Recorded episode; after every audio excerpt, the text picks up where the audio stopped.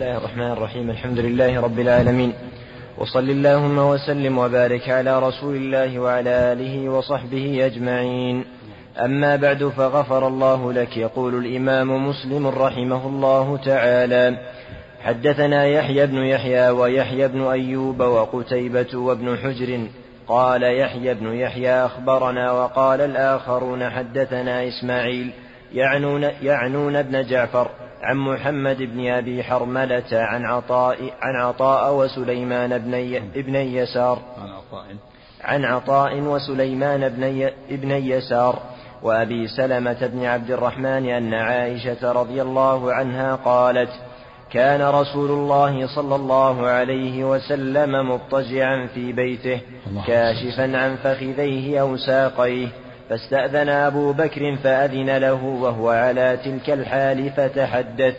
ثم استأذن عمر فأذن له وهو كذلك فتحدث. ثم استأذن عثمان فجلس رسول الله صلى الله عليه وسلم وسوى ثيابه. قال محمد ولا أقول ذلك في يوم واحد. فدخل فتحدث. فلما خرج قالت عائشة رضي الله عنها دخل أبو بكر فلم تهتش له ولم تباله. ثم دخل عمر فلم تهتش له ولم تباله. ثم دخل عثمان فجلست وسويت ثيابك. فقال ألا أستحي من رجل تستحي منه الملائكة. حدثني عبد الملك بن شعيب بن الليث بن سعد. قد حدثني أبي عن جدي قال قال حدثني عقيل بن خالد عن ابن شهاب عن يحيى بن سعيد بن العاص أن سعيد بن العاص أخبره أن عائشة رضي الله عنها زوج النبي صلى الله عليه وسلم وعثمان حدثاه أن أبا بكر استأذن على رسول الله صلى الله عليه وسلم وهو مضطجع على فراشه لابس مرط عائشة فأذن لأبي بكر وهو كذلك فقضى إليه حاجته ثم انصرف. ثم استأذن عمر فأذن له وهو على تلك الحال فقضى إليه حاجته ثم انصرف. قال عثمان ثم استأذنت عليه فجلس وقال لعائشة وقال لعائشة اجمعي عليك ثيابك. فقضيت إليه حاجتي ثم انصرفت. فقالت عائشة رضي الله عنها يا رسول الله ما لي لم أرك فزعت لأبي بكر وعمر رضي الله عنهما كما فزعت لعثمان رضي الله عنه. قال رسول الله صلى الله عليه وسلم إن عثمان رجل حيي وإني خشيت إن أذنت له على تلك الحال ألا يبلغ إلي في حاجته. بسم الله الرحمن الرحيم. الحمد لله رب العالمين. صلى الله وسلم وبارك على عبد الله ورسول نبينا محمد وعلى آله وصحبه أجمعين. أما بعد فهذا فيه منقبة آه، لأمير المؤمنين عثمان رضي الله عنه. فضيلة من فضائله. في أن النبي صلى الله عليه وسلم كان جالسا قد كشف عن ساقيه وفخذيه فدخل أبو بكر على حاله ثم دخل عمر على حاله ثم لما دخل سوى ثيابه. قال ألا أستحي من رجل تستحي منه الملائكة؟ وفي أن الملائكة تستحي.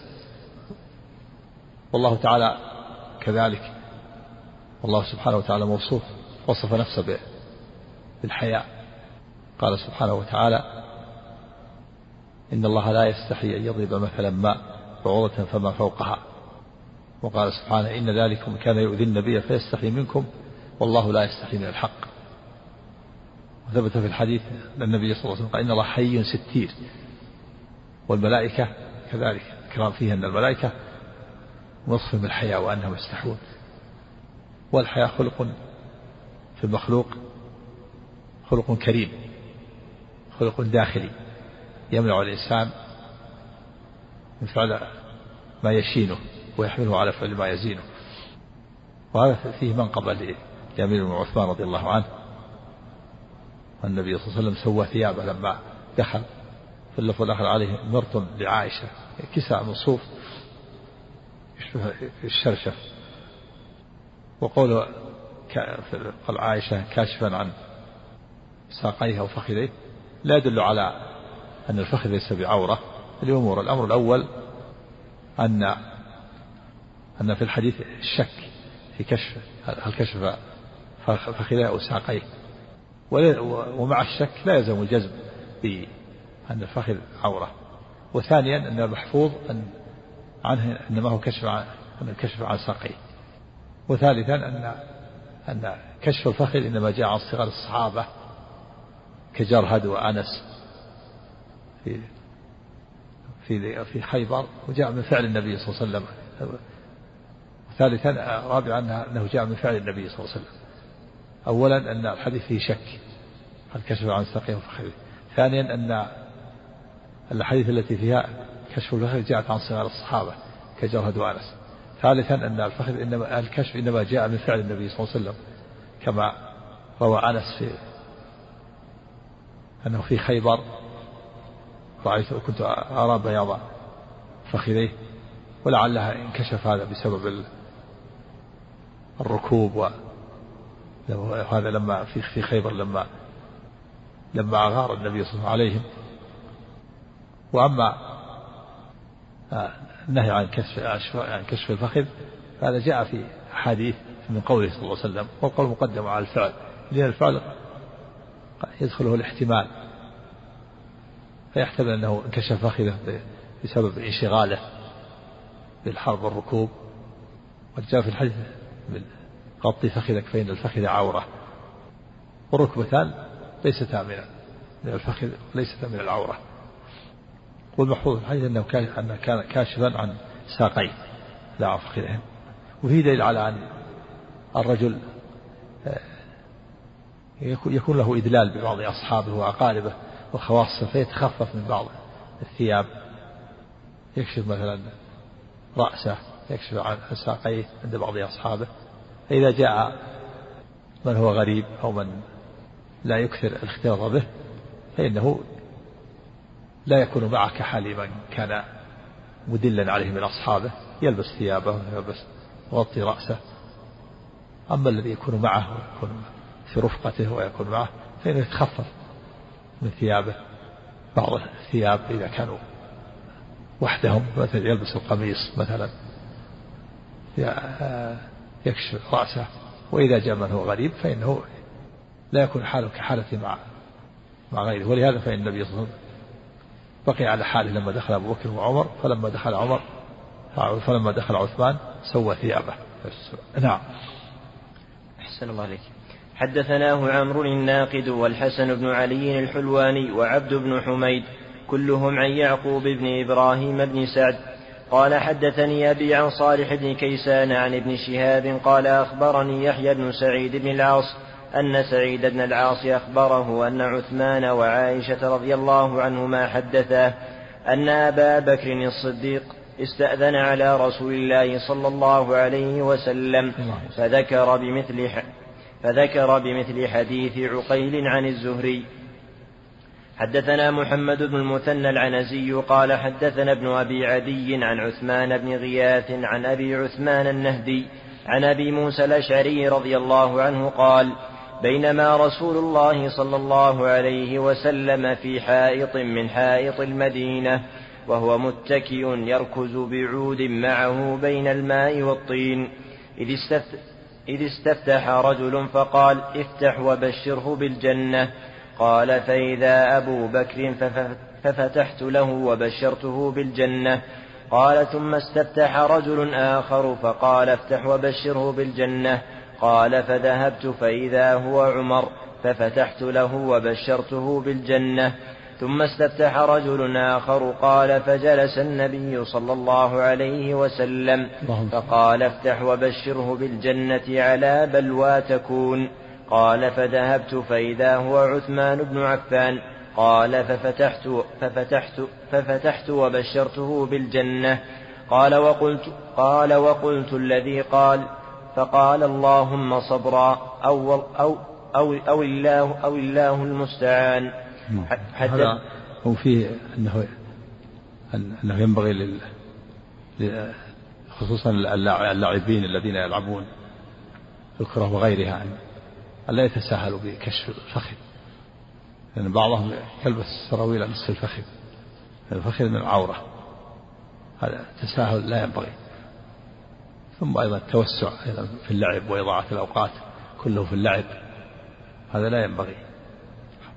هناك بعض الناس بعض الشباب حتى الطيبين اللي عندهم توجه طيب؟ تجدهم يكثرون من اللعب ويخرجون بالشباب. تكون أكثر الأوقات كلها في اللعب لعب الكرة وكذا و... لا ينبغي أن يكون لعب إذا اللعب قليل للترويح فقط ويكون أكثر الوقت يشتغل فيه فيما يفيد. لكن هنا أكثر الأوقات كلها لعب ولعب كرة وحدائق وضاعت الأوقات. ثم أيضا ينبغي أيضا للشباب الطيبين ألا ألا يكون همهم لعب الكرة ولا يلعبوا بها على على الوصف الذي والكيفية التي يلعب بها أعداء الله. لأنها جاءت من الكفرة. فينبغي للشباب الطيبين أن يلاحظوا هذا الشيء. أولا يقللوا من من اللعب لا يكون إنما يكون بقدر. ثانيا آه، أن يلاحظوا لبس الشباب للثياب لابد أن السراويل تكون طويلة. ثالثا إذا احتاجوا للعب لا يلعبون بالكرة على الوجه وعلى الكيفية والوصف التي التي يلعب بها أعداء الله. نعم. لأنهم لهم لهم طريقة كذا معروفة. تعرفونها أنتم ويعرفونها. نعم. نعم يعني كان يريد أن يثبته. لا ليس تروح عن النفس كأنه كان هذا فيه كان يتأمل يتأمل هذا الشيء. كما جاء في الحديث الآخر لما كان لما مات رجل من الصحابة قبل أن يدفن جعل ينكت بعود يتأمل هذا ما هو بترويح هذا. يتأمل حال يتأمل يتذكر أحوال الآخر جعل ينكت بعود ثم قال استعيذوا بالله من عذاب القبر. وهذا يركض بعود هذا ما هو الترويح هذا. ما هو وقت الترويح يتأمل. ولهذا فإنه بشر يعني في أبا بكر بالجنة وبشر عمر بالجنة وبشر عثمان بالجنة فظاهر والله أعلم أنه أنه يتأمل هذا الشيء أو أنه جاءه وحي والله أعلم. هذا ما هو ما هو بترويح هذا. تجد الإنسان إذا كان يتأمل ويفكر تجد يتحرك كذا. هل هذا يروح عن نفسه؟ ما هو بيروح عن نفسه هذا ما هو بترويح. ترويح في شيء آخر. وفيه الشهادة لهؤلاء الثلاثة بالجنة. وللشهادة العشرة المبشرين بالجنة والأدلة في هذا كثيرة. وفيه علم من أعلام النبوة وفيه أن النبي عليه الصلاة والسلام لا يعلم من الغيب إلا ما علمه الله. والنبي صلى الله عليه وسلم قال هذا بوحي من الله. هو شاهد يقول الله تعالى عالم الغيب فلا يظهر على غيبه أحدا إلا من ارتضى من رسول وفيها أيضا من علامات النبوة من أنه أنه قال إن عثمان يصيب الجنة على بلوى تصيبه فحصلت البلوى ابتلي بالثوار الذين أحاطوا ببيته و... وآذوه وتكلموا عليه وانتقدوه ثم قتلوه. وفيه أيضا قول الله المستعان إذا يستعين الإنسان بربه على الصبر على المصائب يقولها بلسانه يعني هذا خبر خبر بمعنى الدعاء. كان يقول الله نسأل الله أسأل الله أن يعينني على الصبر على هذه البلوى. فالدعاء يكون خبر بمعنى يكون خبر بمعنى الدعاء. مثل غفر الله له يعني اللهم اغفر له. اللهم المستعان بمعنى اللهم أعني هذا دعاء. دعاء سؤال الله الإعانة. أن يعينه على الصبر على المصيبة. نعم. نعم. عفى الله عنك حدثنا أبو الربيع العتكي قال حدثنا حماد عن أيوب عن أبي عثمان النهدي عن أبي موسى الأشعري رضي الله عنه أن رسول الله صلى الله عليه وسلم دخل حائطا وأمرني أن أحفظ الباب بمعنى حديث عثمان بن, غي... بن غياث.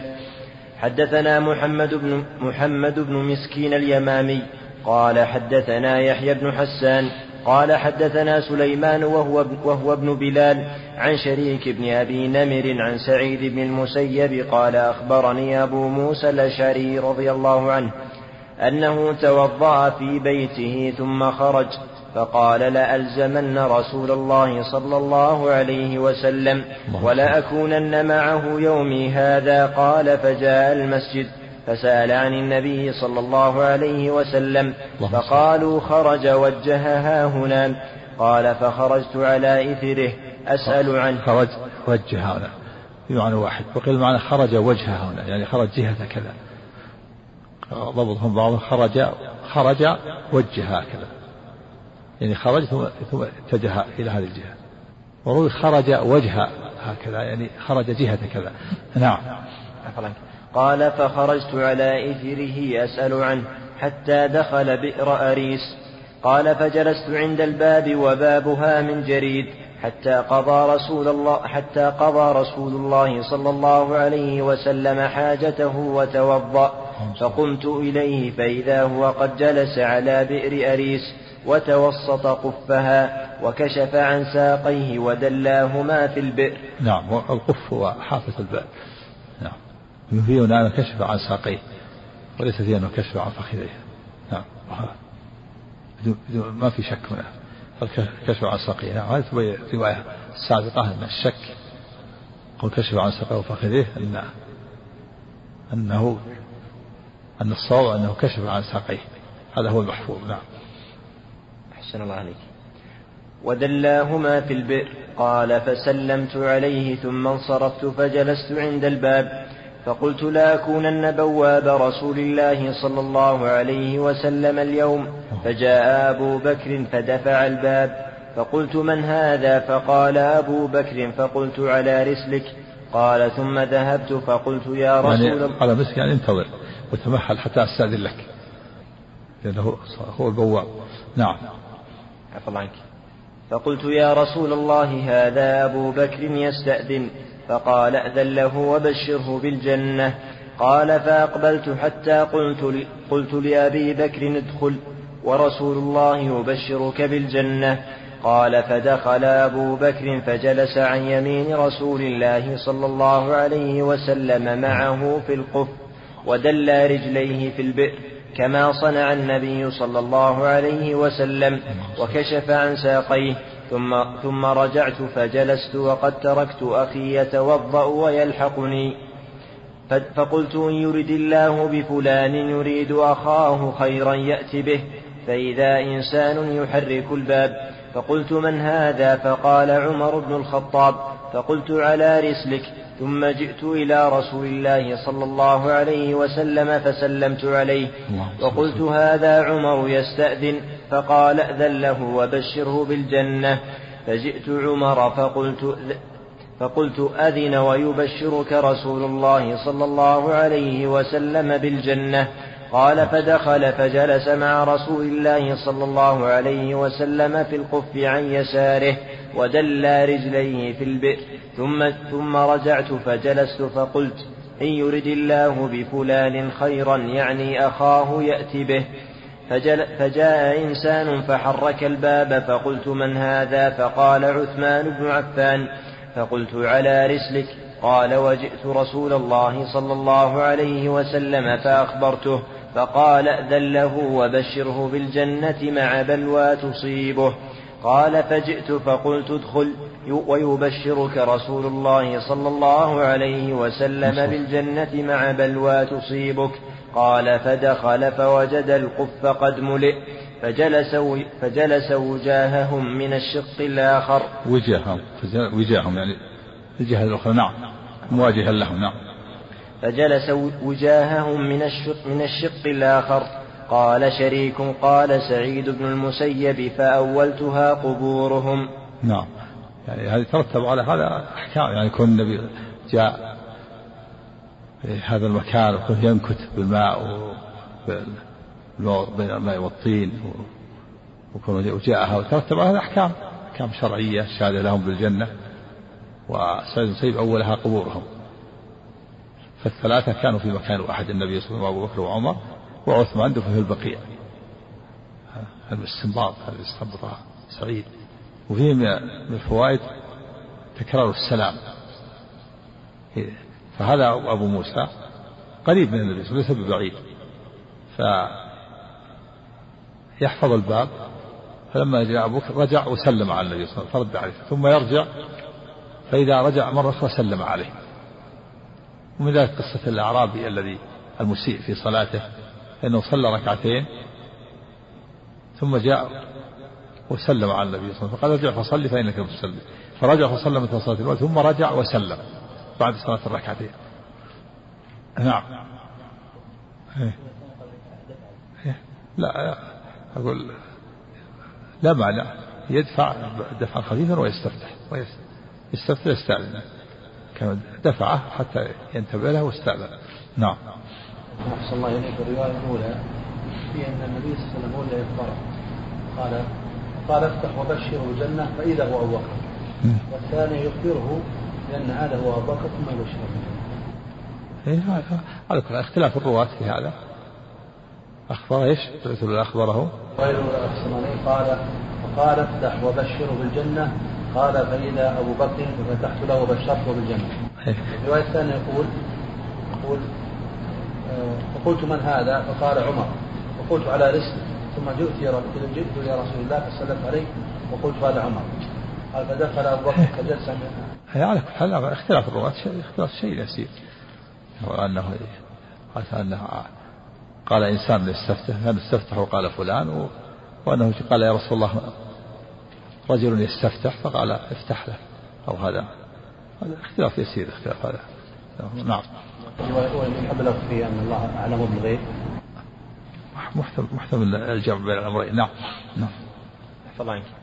حدثني أبو بكر بن إسحاق قال حدثنا سعيد بن عفير قال حدثني سليمان بن بلال قال حدثني شريك بن عبد الله بن أبي نمر قال سمعت سعيد بن المسيب يقول حدثني أبو موسى الأشعري ها هنا وأشار, وأشار لي سليمان إلى مجلس سعيد إلى إلى مجلس سعيد ناحية المقصورة قال أبو موسى خرجت أريد, خرجت أريد رسول الله صلى الله عليه وسلم.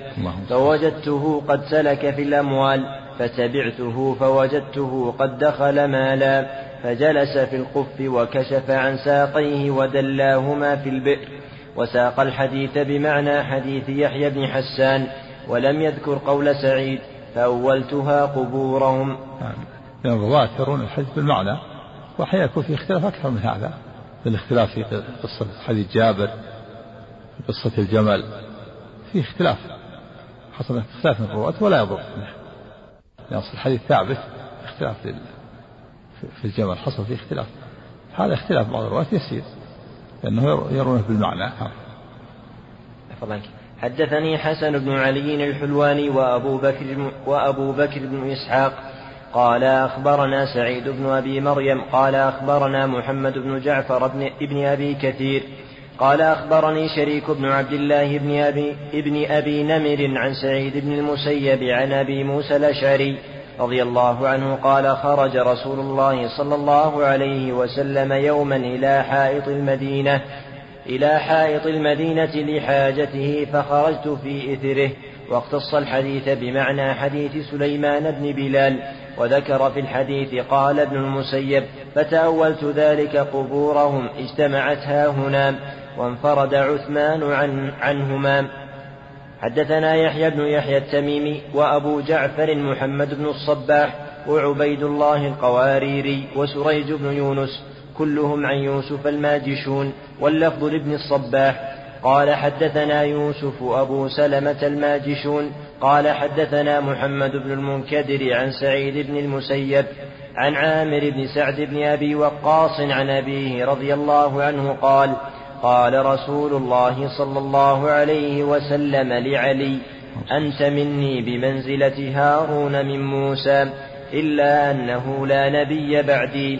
قال سعيد فأحببت أن أشافه بها سعدا فلقيت سعدا فحدثته بما حدثني عامر. فقال أنا سمعته. قلت قلت أنت سمعته فوضع إصبعيه على أذنيه فقال نعم وإلا فاستكت. فسك إيش؟ فاستكت. تشديد الكاف. نعم. وإلا إيش؟ فاستكت. لا. فسكت فسكت فسكت. فاستكت. يعني صمتا فاستكتا وإلا فاستكتا وصمتا وهذا الحديث فيه في منقبة لعلي رضي الله عنه النبي صلى الله عليه وسلم قال له أنت مني بمنزلة هارون من موسى إلا أنه لا نبي بعدي. هذا لدفع توهم أن يكون نبيا فإن هارون كان نبي. هارون كان نبي ولذلك قال له أنت مني بمنزلة هارون من موسى إنه لا إلا أنه لا نبي بعدي لأن النبي صلى الله عليه وسلم استخلفه في غزوة تبوك على على أهله. يعني قال لا يعني أهلنا من يجلس من يجلس عندهم؟ ولهذا سبب هذا الحديث أن النبي صلى الله عليه وسلم لما غزا تبوك لحقه علي وقال يا رسول الله تخلفني مع النساء والصبيان؟ فقال له النبي أنت مني بمنزلة هارون موسى إلا أنه لا نبي بعدي. احتج به الرافضة على على أن عليا هو الخليفة بعده. وعلى إبطال خلافة أبي بكر وعمر وعثمان وهذا من جهلهم وضلالهم. ف فإن النصوص في تقديم الشيخين أبي بكر وعمر كثيرة و وإجماع الصحابة على تقديم أبي بكر ثم تقديم عمر ثم عثمان والأمة لا تجتمع على ضلالة. ثم أيضا قول أنت مني بمنزلة هارون موسى يعني في الاستخلاف استخلف في غزوة تبوك. وليس المراد الخلافة. بدليل أن هارون توفي قبل موسى هارون توفي قبل موسى بمدة. والرافضة قوم بهت. هم يخفون النصوص ولهذا كفروا الصحابة والعياذ بالله. و وقالوا إنهم ارتدوا بعد وفاة الرسول صلى الله عليه وسلم وأخفوا النصوص التي فيها النص على علي. وأنه الخليفة بعده. وهذا من كفرهم وضلالهم لأن هذا تكذيب لله.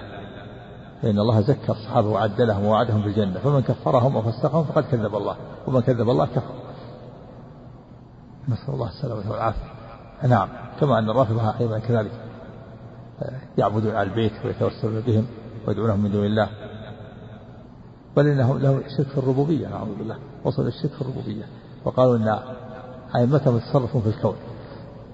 وقالوا إن أئمتنا كما قال الخميني في كتابه الحكومة الإسلامية قال إن أئمتنا لهم مقام لا يصل إليه ملك مقرب ولا نبي مرسل. نسأل الله العافية. نعم. طبعا وحدثنا أبو بكر بن أبي شيبة قال حدثنا غندر عن شعبة حاء وحدثنا محمد بن المثنى وابن بشار قال حدثنا محمد بن جعفر قال حدثنا شعبة عن الحكم عن مصعب بن سعد بن أبي وقاص عن سعد بن أبي وقاص رضي الله عنه قال خلف رسول الله صلى الله عليه وسلم علي بن أبي طالب في غزوة تبوك فقال يا رسول الله تخلفني في النساء والصبيان فقال أما ترضى أن تكون مني بمنزلة هارون من موسى غير أنه لا نبي بعدي. اللهم صل وسلم نعم.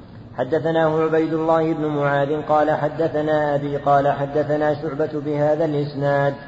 حدثنا قتيبة بن سعيد ومحمد بن عباد وتقاربا في اللفظ قال حدثنا حاتم وهو ابن إسماعيل عن بكير بن مسمار عن, عن عامر بن سعد بن أبي وقاص عن أبيه رضي الله عنه قال أمر معاوية بن أبي سفيان رضي الله عنه سعدا فقال ما منعك أن تسب أبا تراب؟ قال أما أما ما ذكرت ثلاثا قال أما أما ما ذكرت ثلاثا قالهن له رسول الله صلى الله عليه وسلم. أما ما ذكرت ثلاثا قالهن. أما ما ذكرت ثلاثا قالهن ثلاثا بالنص. نعم بالنص. ثلاثا. بالألف. نعم. نعم. أما ما ذكرت ثلاثا أما ما ذكرت ثلاثا قالهن له رسول الله صلى الله عليه وسلم فلن أسبه لأن تكون لي واحدة منهن أحب إلي من حمر النعم. حمر من حمر النعم من حمر النعم. في إسكان في إسكان الميم حمر جمع أحمر والمراد الإبل الحمر وهي أنفس أموال العرب. بخلاف إذا بخلاف ضم الميم. إذا ضمت الميم تغير المعنى صارت الحمر جمع حمار. وليس المراد هذا. المراد حمر جمع أحمر. يعني وهذا وهذا ليس فيه أمر معايد بسبه وأبو تراب كنية لعلي رضي الله عنه. لو كل كان أبو الحسن وأبو تراب. كناه النبي صلى الله عليه وسلم بها. أبا تراب. هذا هذا ليس أمرا بسبه وإنما هو سؤال عن السبب المعنى. يعني ما الذي منعك من سبه؟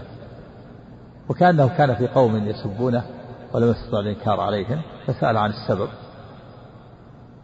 وقيل المعنى أو أن المعنى ما الذي منعك من تخطئته في اجتهاده. وتصويب لأن معاوية رضي الله عنه له اجتهاد وعلي له اجتهاد. علي له اجتهاد قاتل معاوية لأنه تخلف عن البيعة لأنه بايعه أهل الحل أكثر أهل الحل والعقد ومعاوية له اجتهاد آخر وهو أنه يطالب بدم عثمان وأنه وليه. كل له اجتهاد.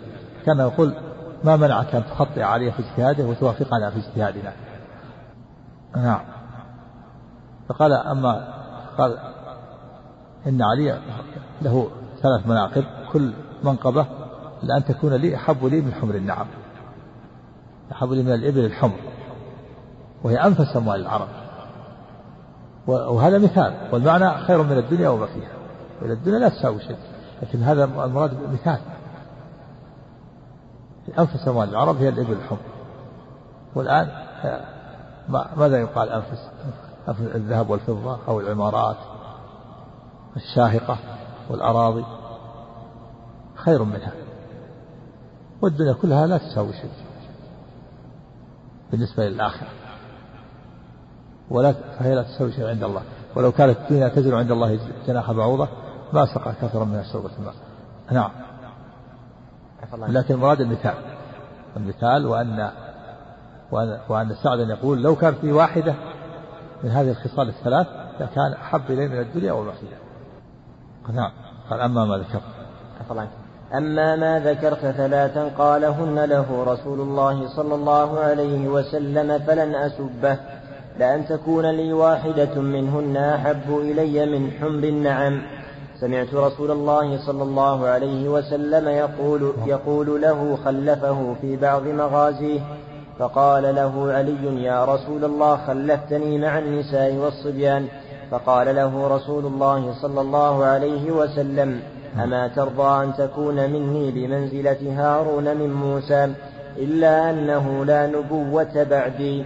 وسمعته يقول يوم خيبر لأعطين الراية رجلا يحب الله ورسوله ويحبه الله ورسوله. قال فتطاولنا لها فقال ادعوا لي عليا. فأتي به أرمد فبصق في عينه ودفع الراية إليه ففتح الله عليه. ولما نزلت هذه الآية فقل تعالوا ندعو أبناءنا وأبناءكم. دعا رسول الله صلى الله عليه وسلم عليا وفاطمة وحسنا وحسينا. فقال اللهم هؤلاء أهلي. نعم هذه المناقب الثلاث. يقول سعد كل منقبة منها أحب إلي من الدنيا فيها لو حصلت لو كانت. لي الأولى أنه النبي صلى الله عليه وسلم لما خلفه يوم تبوك قال أنت مني بمنزلة هارون من موسى. والثانية أنه دفع إليه الراية يوم خيبر وقال وقال قبل ذلك لا أعطين الراية رجل يحب الله ورسوله ويحبه الله ورسوله. هذه منقبة يعني. ومعلوم أن كل مؤمن يحب الله ورسوله لكن كون كون ينص على شخص بعينه بأنه يحب الله ورسوله كل كل يرغب فيها. ولهذا قال عمر تطاولت للإمارة وما أحببت الإمارة إلا يومئذ. لا رغبة في الإمارة وإنما رغبة في الوصف. لما قال النبي صلى الله عليه وسلم الراية غدا رجلا هذا وصف يحب الله ورسوله ويحبه الله ورسوله. صار الناس يتطلعون كل واحد يقول لعل هذا عشان يتحقق فيه الوصف. لا رغبة في الإمارة حتى إن عمر قال تساورت لها تطاولت لها لعله لعله يعطيني فقال النبي أين علي بن أبي طالب؟ قال رسول علي أرمد يشتكي عينيه في اللفظ الآخر أتي به يقال. وهذا فيه دليل على إثبات القضاء والقدر وأن من قدر له شيء فسيكون. فهؤلاء الذين عند النبي صلى الله عليه وسلم يتطاولون لها لم يعطهم إياه وطلب شخص بعيد. فمن قدر له شيء فسيأتي.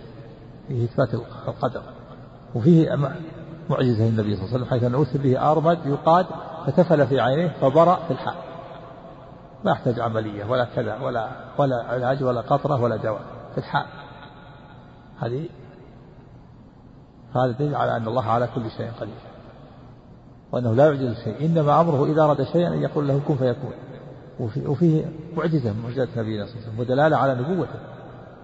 هذا أنه تفل فشفاه الله من الحال ولم يشتكي بعد ذلك عينه والمنقبة الثالثة أنه لما نزلت الآية قل تعالوا ندعو أبناءنا وأبناءكم بالمباهلة قال النبي صلى الله عليه وسلم علي وفاطمة وحسن وحسين اللهم هؤلاء أهل بيتي. نعم. قول أما ما ذكرت تكلم عليها عندك أما أما ما ذكرت تكلم عليها عندك. النسخة الثانية أما ما تحتمل أما عندك أما ما ذكرت كذا؟ ها؟ أما ما ذكرت ثلاثا. واحتمل ذكرت يعني إذا تذكرت هذه الثلاث. نعم. حدثنا أبو بكر بن أبي شيبة قال حدثنا غندر عن شعبة حاء, حاء وحدثنا محمد بن المثنى وابن بشار قال حدثنا محمد بن جعفر قال حدثنا شعبة عن سعد بن إبراهيم قال سمعت إبراهيم بن سعد عن سعد رضي الله عنه عن النبي صلى الله عليه وسلم أنه قال لعلي ما ترضى أن تكون مني بمنزلة هارون من موسى. حدثنا قتيبة بن سعيد قال حدثنا يعقوب يعني ابن عبد الرحمن القاري عن سهيل عن أبيه عن أبي هريرة رضي الله عنه أن رسول الله صلى الله عليه وسلم قال يوم خيبر لأعطين هذه الراية رجلا يحب الله ورسوله يفتح الله على يديه. قال عمر بن الخطاب ما أحببت الإمارة إلا يومئذ. قال فتساورت لها رجاء أن أدعى لها. قال فدعا رسول الله صلى الله عليه وسلم علي بن أبي طالب فأعطاه إياها. وقال امش ولا تلتفت حتى يفتح الله عليك. قال فسار علي شيئا ثم وقف ولم يلتفت فصرخ يا رسول الله على ماذا أقاتل الناس؟ قال قاتلهم حتى يشهدوا أن لا إله إلا الله وأن محمد رسول الله صلى الله عليه وسلم. فإذا فعلوا ذلك فقد منعوا منك دماءهم وأموالهم إلا بحقها وحسابهم على الله. نعم وهذا فيه منقبة لعلي رضي الله عنه. أنه يحب الله ورسوله ويحبه الله ورسوله. يقول يفتح الله على يديه. كل هذا في من دلائل النبوة. في علامتان. العلامة الأولى الشهادة لعلي بأنه يحب الله ورسوله ويحبه الله ورسوله. العلامة الثانية أنه أن الله يفتح له يفتح على يديه. ففتح له في يوم الخيبر. وفي دليل على أن أول واجب هو الشهادتان الشهادة لله تعالى بالوحدانية والشهادة للنبي صلى الله عليه وسلم بالرسالة. وهي الرد على أهل الكلام الذي يقول الواجب أول واجب الشك. شك فيما حولك ثم تنتقل الشك إلى اليقين. وبعضهم يقول واجب النظر يعني تنظر وتتأمل. وبعضهم يقول الواجب القصد إلى النظر. هذه كلها أقوال باطلة يا أهل الكلام. والصواب أن أول واجب هو التوحيد. أول واجب الشهادة بالوحدانية والنبي بالرسالة. صلى الله عليه وسلم. ولهذا قال النبي صلى الله عليه وسلم دعهم إلى أن يشهدوا أن لا إله إلا الله وأن محمدا رسول فإذا فعلوا ذلك عصموا مني دماءهم وأموالهم أو منعوا منك دماءهم وأموالهم. المراد المراد الالتزام بالإسلام التوحيد. وليس المراد قولهم باللسان فقط أشهد أن لا إله إلا الله وأن محمدا رسول الله. ينطق بهم بلسانه ويعتقد مناهما بقلبه ويلتزم بحقوقهم. لا بد من هذا. ويبتعد عن النوافل فإذا فعل ذلك فإنه عصم دمه وماله. إلا بحقوقه الإتيان بحقوقها وحقوق التوحيد هي الواجبات أداء الواجبات وترك المحرمات. في الحديث الآخر يقول النبي صلى الله عليه وسلم أمرت أن أقاتل الناس حتى يشهدوا أن لا إله إلا الله وأني رسول الله. فإذا فعلوا ذلك عصموا مني دماءهم وأموالهم إلا بحقها وحسابهم على الله. ومعنى شهادة أن لا إله إلا الله معناها لا معبود حق إلا الله. فالإله هو المعبود وفيه الرد على الكلام الذين يفسرون الإله بالخالق. والقادر على الاختراع. يقول لا لا لا إله الله لا خالق إلا الله. وهذا باطل. لو كان معناها لا خالق إلا الله لكان كفار قريش لكان كفار قريش موحدين. لأنهم يقول لا خالق إلا الله. ومع ذلك قاتلهم النبي صلى الله عليه وسلم. ومع ذلك فعل الكلام من الأشاعرة والصوفية وغيرهم يفسرون كلمة التوحيد بتوحيد الربوبية ويفسرون الخالق الإله بالخالق. وهذا غلط فإن الإله هو المعبود. والإله من أله يأله. وإله بمعنى مألوه فعال بمعنى مفعول. الذي الذي المعنى الذي تأله هو القلوب محبة. وخوفا ورجاء وإجلالا وتعظيما. نعم. عفى الله عنك. حدثنا قتيبة بن سعيد قال حدثنا عبد العزيز يعني ابن, ابن أبي حازم عن أبي حازم لأن الكافر إذا أتى بالشهادتين يكف عنه ولهذا قال فقد منعوا منك دماءهم وأموالهم. يكف عنه. ولو ولو ظن أن المقاتل أنه قالها تعودا أو خوفا من القتل إذا قال لا إله إلا الله وقال أشهد أن لا إله إلا الله وجب الكف عنه. قد ثبت أن النبي صلى الله عليه وسلم أنكر على أسامة بن زيد رضي الله عنه لما وكان يقاتل قوما فلما رفع السيف عليه قال لا إله إلا الله. فقتله أسامة. وأنكر عليه النبي صلى الله عليه وسلم قال قتلته بعدما قال لا إله إلا الله. قال يا رسول الله قالها تعودا يعني خوف من السيف؟ ما قالها عن قال أشققت عن قلبه. كيف تفعل بلا إله إلا الله إذا جاءت يوم القيامة؟ جعل يعتب عليه منكر قال أسامة حتى تمنيت أني لم أسلمت إلا يومئذ. نعم. الكافر إذا قال لا إله إلا الله وكان لا يقولها في كفره يجب الكف عنه يحكم بإسلامه. ولذلك ينظر إن يلتزم بأحكام الإسلام. فالحمد لله. وإن فعل ما يناقضها يقتل بعد ذلك هو مرتد. نعم. عفى الله عنك.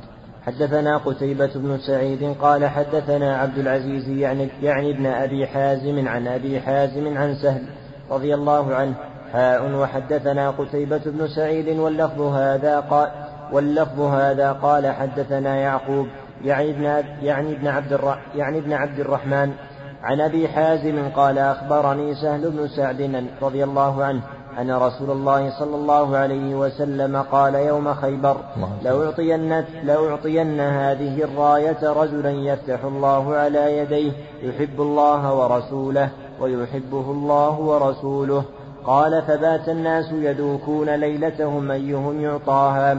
قال فلما أصبح الناس غدوا على رسول الله صلى الله عليه وآله وسلم كلهم يرجون أن يعطاها فقال أين علي بن أبي طالب؟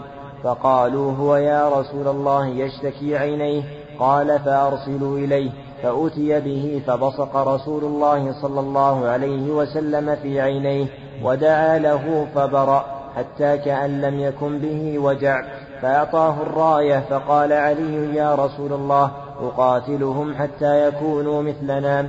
فقال انفذ على رسلك حتى تنزل بساحتهم ثم ادعهم إلى الإسلام وأخبرهم بما يجب عليهم من حق الله فيه. فوالله لن يهدي الله بك رجلا, رجلا واحدا. خير لك من أن تكون لك حمر النعم. نعم قول يدوكون يعني يخوضون فات الناس يدوكون ليتهم يخوضون ويتمنون أن كل واحد يتمنى أن يعطاها. لما قال النبي صلى الله عليه وسلم لو أعطينا الراية غدا. رجل يحب الله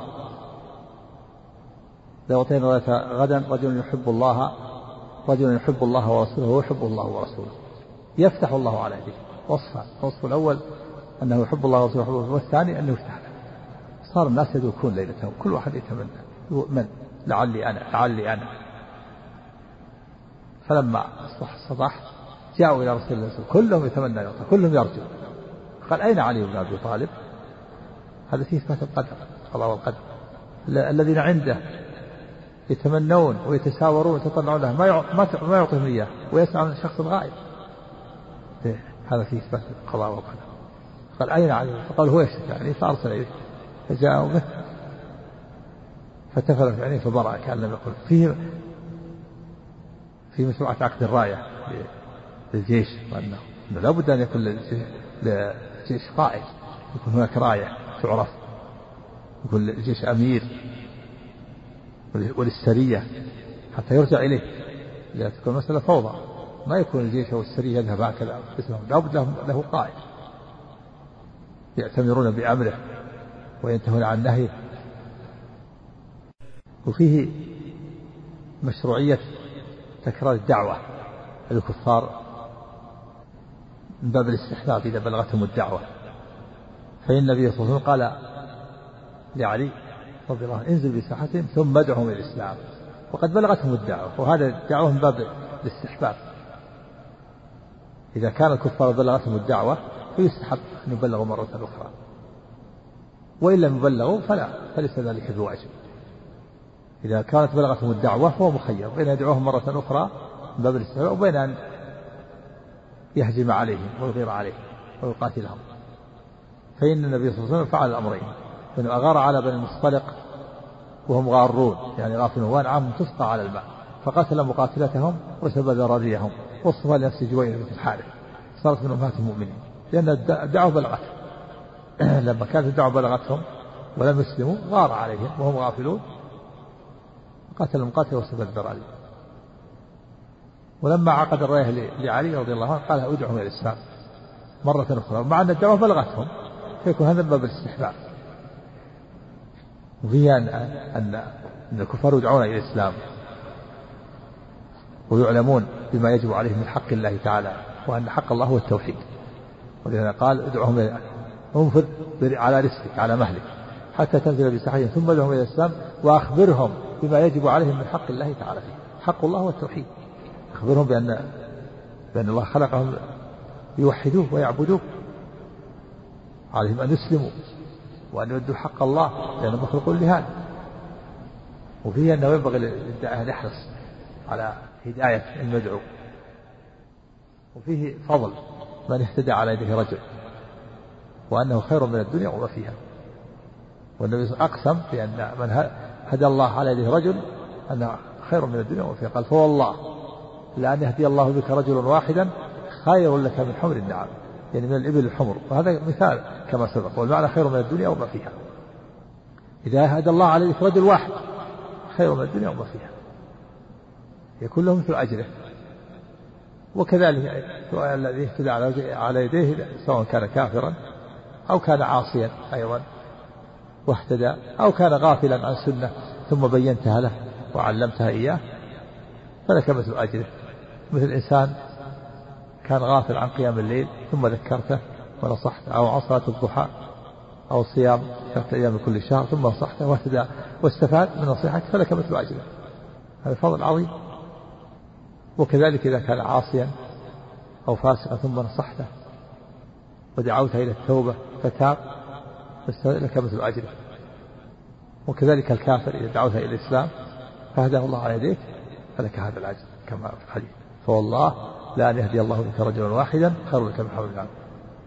في أنه ينبغي الإنسان أن يحرص على هداية الخلق تذكيرهم وتعليمهم وأمرهم بالمعروف ونهيهم عن المنكر ودعوتهم إلى الله وأن يحتسب الأجر في ذلك.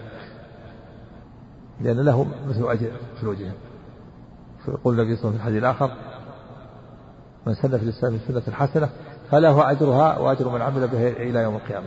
ومن سن في الإسلام سنة سيئة فعليه وزرها وزر من عمل بها إلى يوم القيامة. ومن سن سنة في الإسلام يعني ليس المراد أنه أن الإنسان يحيي السنة من عند نفسه. لا المراد أنه يظهر سنة أميتة كان يأتي إلى بلد أو إلى قوم لا يعرفون سنة الفجر ولا يصلون فيصلي سنة الفجر ويأمرهم بها. فيكون هناك سنة سنة الفجر يعني أظهرها للناس. لأن النبي صلى الله عليه وسلم قال هذا لما جاء قوم من الأعراب قوم فقراء ثيابهم متمزقة تأثر النبي صلى الله عليه وسلم تغير وجهه. فخرج ودخل دخل وخرج ثم خطب الناس وحثهم على الصدقة. قال ليه تصدق الإنسان من صاع بره من طعامه من ثيابه. فلما قضى النبي جاء رجل من الأنصار بسرة جاء بشيء من الطعام من كفيه حتى كانت كفيه تعجز عنهما فوضعهما ثم تتابع الناس. فقال النبي صلى الله عليه وسلم في الإسلام سنة الحسنة فله أجره وأجر من عمل فيها هذا الرجل هو الذي سبق وشجع الناس فتتابع الناس واقتدوا به. نعم. الله عنك.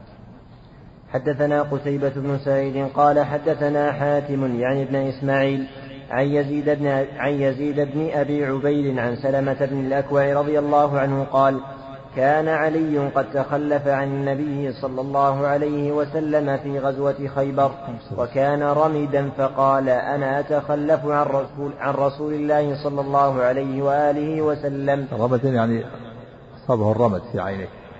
الرمد معروف. مرض الرمد في العينين. نعم. فقال أنا أتخلف عن رسول الله صلى الله عليه وسلم. فخرج علي فلحق بالنبي صلى الله عليه وآله وسلم. فلما كان مساء الليلة التي فتحها الله في صباحها قال رسول الله صلى الله عليه وسلم لأعطين الراية. أو ليأخذن بالراية غدا رجل يحبه الله ورسوله أو قال يحب الله ورسوله ورسوله يفتح الله عليه فإذا نحن بعلي وما نرجوه فقال ما نرجوه بسبب بسبب مرضه والرمد الذي عينه. ما ما كانوا يظنون انه أنه يأتي ويأخذ الراية لأن المريض والأرمد يحتاج إلى وقت حتى يشفى ولا يستطيع أن يقود الجيوش وارمد وكذا لكن هذا الله تعالى على كل شيء قدير. الله لا يعجزه شيء. وفيه معجزة للنبي صلى الله عليه وسلم. نعم. فقالوا هذا علي فأعطاه رسول الله صلى الله عليه وسلم الراية. نعم. ففتح الله عليه. حدثن حدثني زهير بن حرب وشجاع بن مخلد جميعا عن ابن علية. يعني وقع كما أخبر النبي فتح الله على يديه فكان هذا من علامات النبوة. قال يفتح الله على يديه قبل أن يعطيه الرأية ففتح الله على يديه نعم. فتح على يديه خيبر. نعم. طبعا حدثني زهير بن حرب وشجاع بن مخلد جميعا عن ابن علية. قال زهير حدثنا إسماعيل بن إبراهيم قال حدثني قال حدثني أبو حيان قال حدثني يزيد بن حيان قال انطلقت أنا وحسين بن سبرة وعمر بن مسلم إلى زيد بن أرقم رضي الله عنه فلما جلسنا إليه قال له حسين لقد لقيت يا زيد خيرا كثيرا رأيت رسول الله صلى الله عليه وسلم وسمعت حديثه وغزوت معه وصليت خلفه لقد لقيت يا زيد خيرا كثيرا. حدثنا يا زيد ما سمعت من رسول الله صلى الله عليه وآله وسلم. قال يا ابن أخي والله لقد كبرت سني وقد مع وقد عهدي ونسيت بعض الذي كنت أعي من رسول الله صلى الله عليه وسلم. فما حدثتكم فاقبلوا وما لا فلا تكلفني فلا تكلفني. ثم قال قام رسول الله صلى الله عليه وسلم يوما فينا خطيبا بماء, بماء يدعى خمام بين مكة والمدينة فحمد الله وأثنى عليه ووعظ وذكر ثم قال أما بعد ألا أيها الناس فإنما أنا بشر يوشك أن يأتي رسول ربي أن يأتي رسول ربي فأجيب. وأنا تارك فيكم ثقلين. أولهما كتاب الله فيه الهدى والنور فخذوا بكتاب الله واستمسكوا به فحث على كتاب الله ورغب فيه. ثم قال وأهل بيتي أذكركم الله في أهل بيتي أذكركم الله في أهل بيتي أذكركم الله في أهل بيتي. فقال له حسين ومن أهل بيته؟ ومن أهل بيته يا زيد أليس نساؤه من أهل بيته؟ قال نساؤه من أهل بيته ولكن أهل بيته من حرم الصدقة بعده. قال ومن هم؟ قال هم آل علي وآل عقيل وآل جعفر وآل عباس. قال كل هؤلاء حرم الصدقة. قال نعم. وحدثنا نعم، هذا فيه النبي صلى الله عليه وسلم حتى على كتاب الله وسنة وسنته.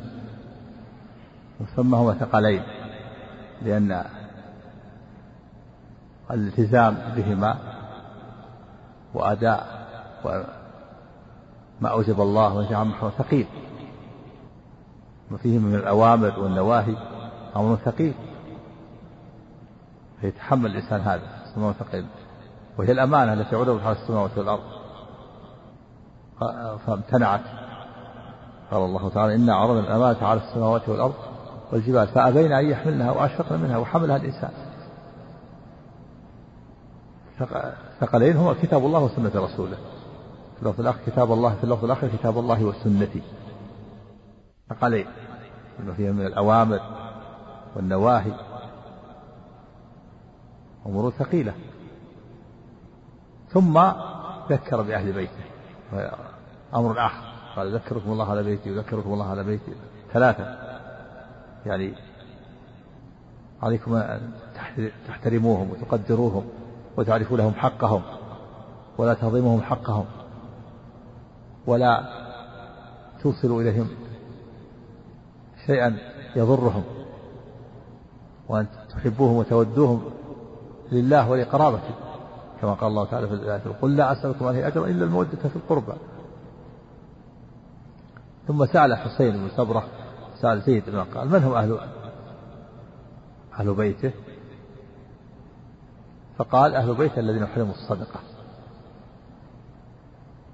وهم آل علي وآل جعفر وآل عقيل وآل العباس هم بني هاشم وهم بنو هاشم فالذين حرموا الصدقة هم بنو هاشم.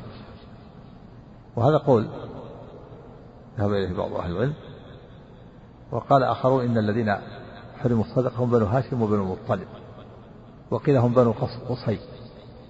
وقيل هم قريش كلها. والصواب أنهم بنو هاشم وبنو المطلب دون بني عبد الشمس وبني عبد مناف وإن كانوا كلهم في الدرجة واحدة. درجتهم مرتبة واحدة. بنو هاشم وبنو المطلب وبن عبد الشمس وبن عبد مناف والمراد بالصدقة الزكاة. الذي يحرم الصدقة هي الزكاة. الزكاة حرم منها بنو هاشم وبن المطلب دون بني عبد الشمس وبن عبد مناف لأن بني المطلب شاركوا بني هاشم في الجاهلية والإسلام ودخلوا معهم الشعب لما حصرتهم قريش.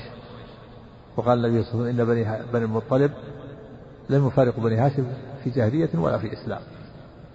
فلذلك كانوا معهم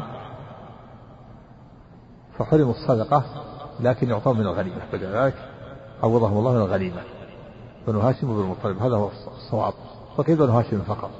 لكن النصوص دلت على أن بني المطلب مع بني هاشم يقول النبي صلى الله عليه وسلم إن بني المطلب لم يفارقوا بني هاشم في الجاهلية ولا الإسلام. وشاركوهم في السراء والضراء ودخلوا معهم الشعب. بخلاف عبد بن عبد الشمس وعبد المناف فلا. وإن كان مرتبتهم واحدة. نعم. الزكاة المراد الزكاة. صدقة التطوع أمره واسع لكن الزكاة اللي هي أوساخ أوساخ الناس. الذي إنما هي أوساخ الناس. نعم. كذلك الأعطيات الأخرى والهدية ما تدخل في هذا نعم. جاء في الحديث الآخر كتاب الله وسنته نعم. نعم. الله عنك. وحدثنا محمد بن بكار بن الريان قال ولو تذكر فهي داخلة. لأن الوصية بالقرآن وصية بالسنة. لأن الله تعالى يقول وما آتاكم الرسول فخذوه وما نهاكم عنه فانتهوا. قال أطيعوا الله وأطيعوا الرسول.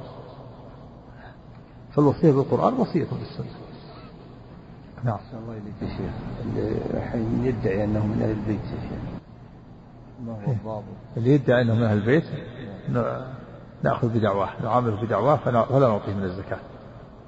وإذا طلب من الغنيمة فلا نعطيه من الغنيمة إلا بدليل.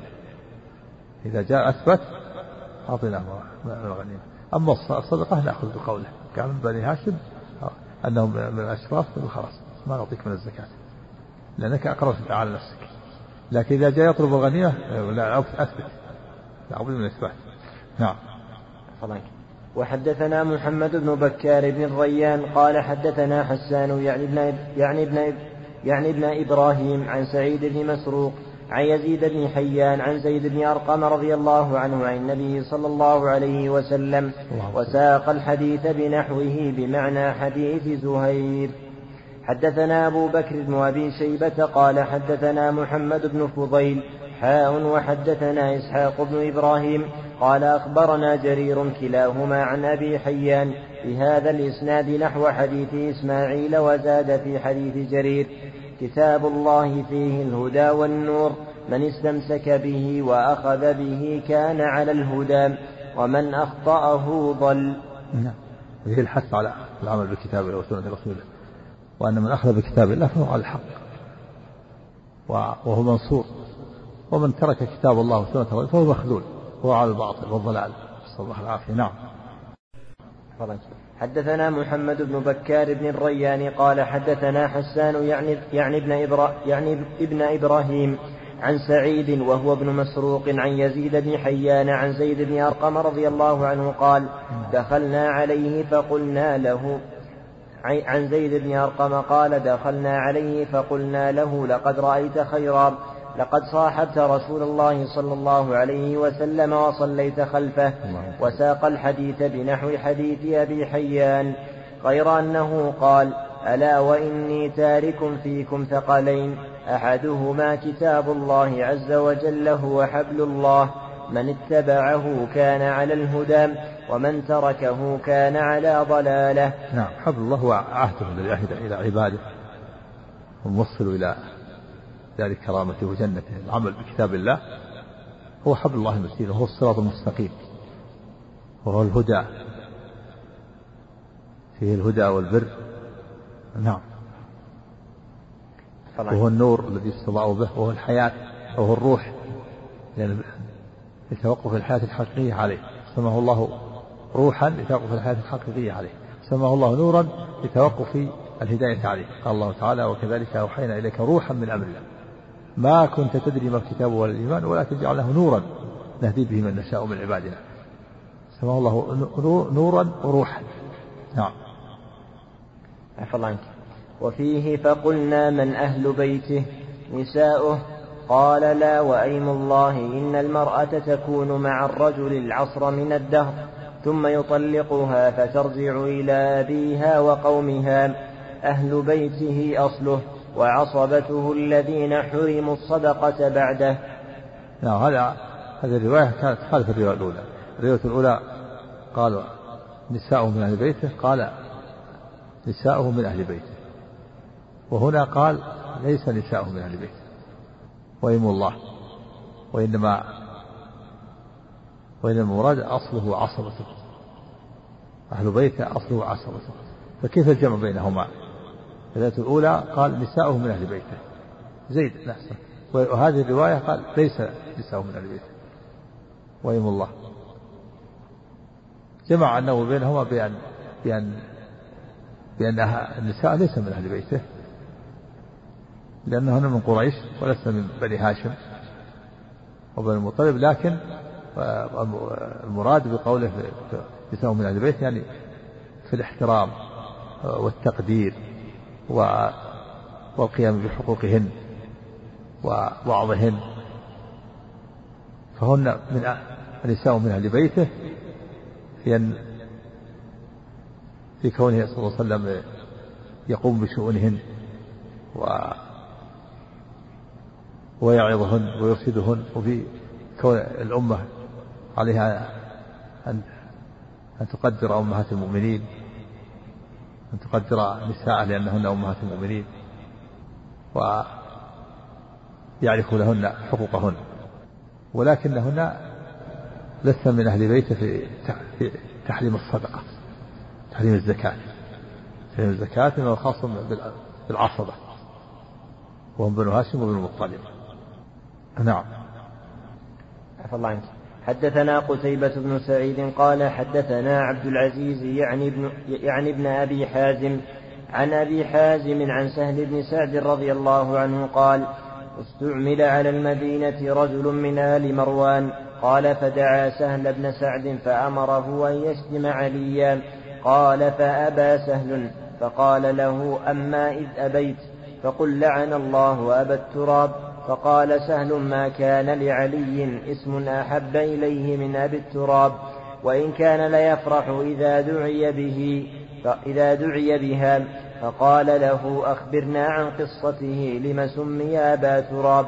قال جاء رسول الله صلى الله عليه وسلم بيت فاطمة فلم يجد عليا في البيت فقال أين ابن عمك؟ أين ابن عمك؟ فقالت كان بيني وبينه شيء فغاضبني فخرج فلم يق فلم يقل عندي. فقال رسول الله صلى الله عليه وسلم لإنسان انظر أين هو؟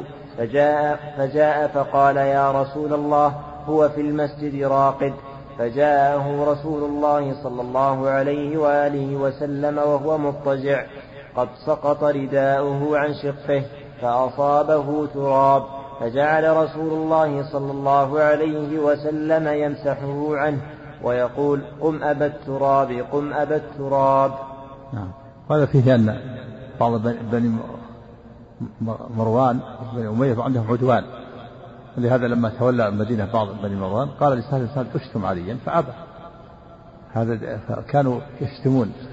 عليا وبعضهم يشتمون العلويون وهذا من جهلهم وضلالهم. ولهذا أبى لأنه ينبغي الإنسان أن يمتنع من الباطل ولا يوافق من أمره بالباطل.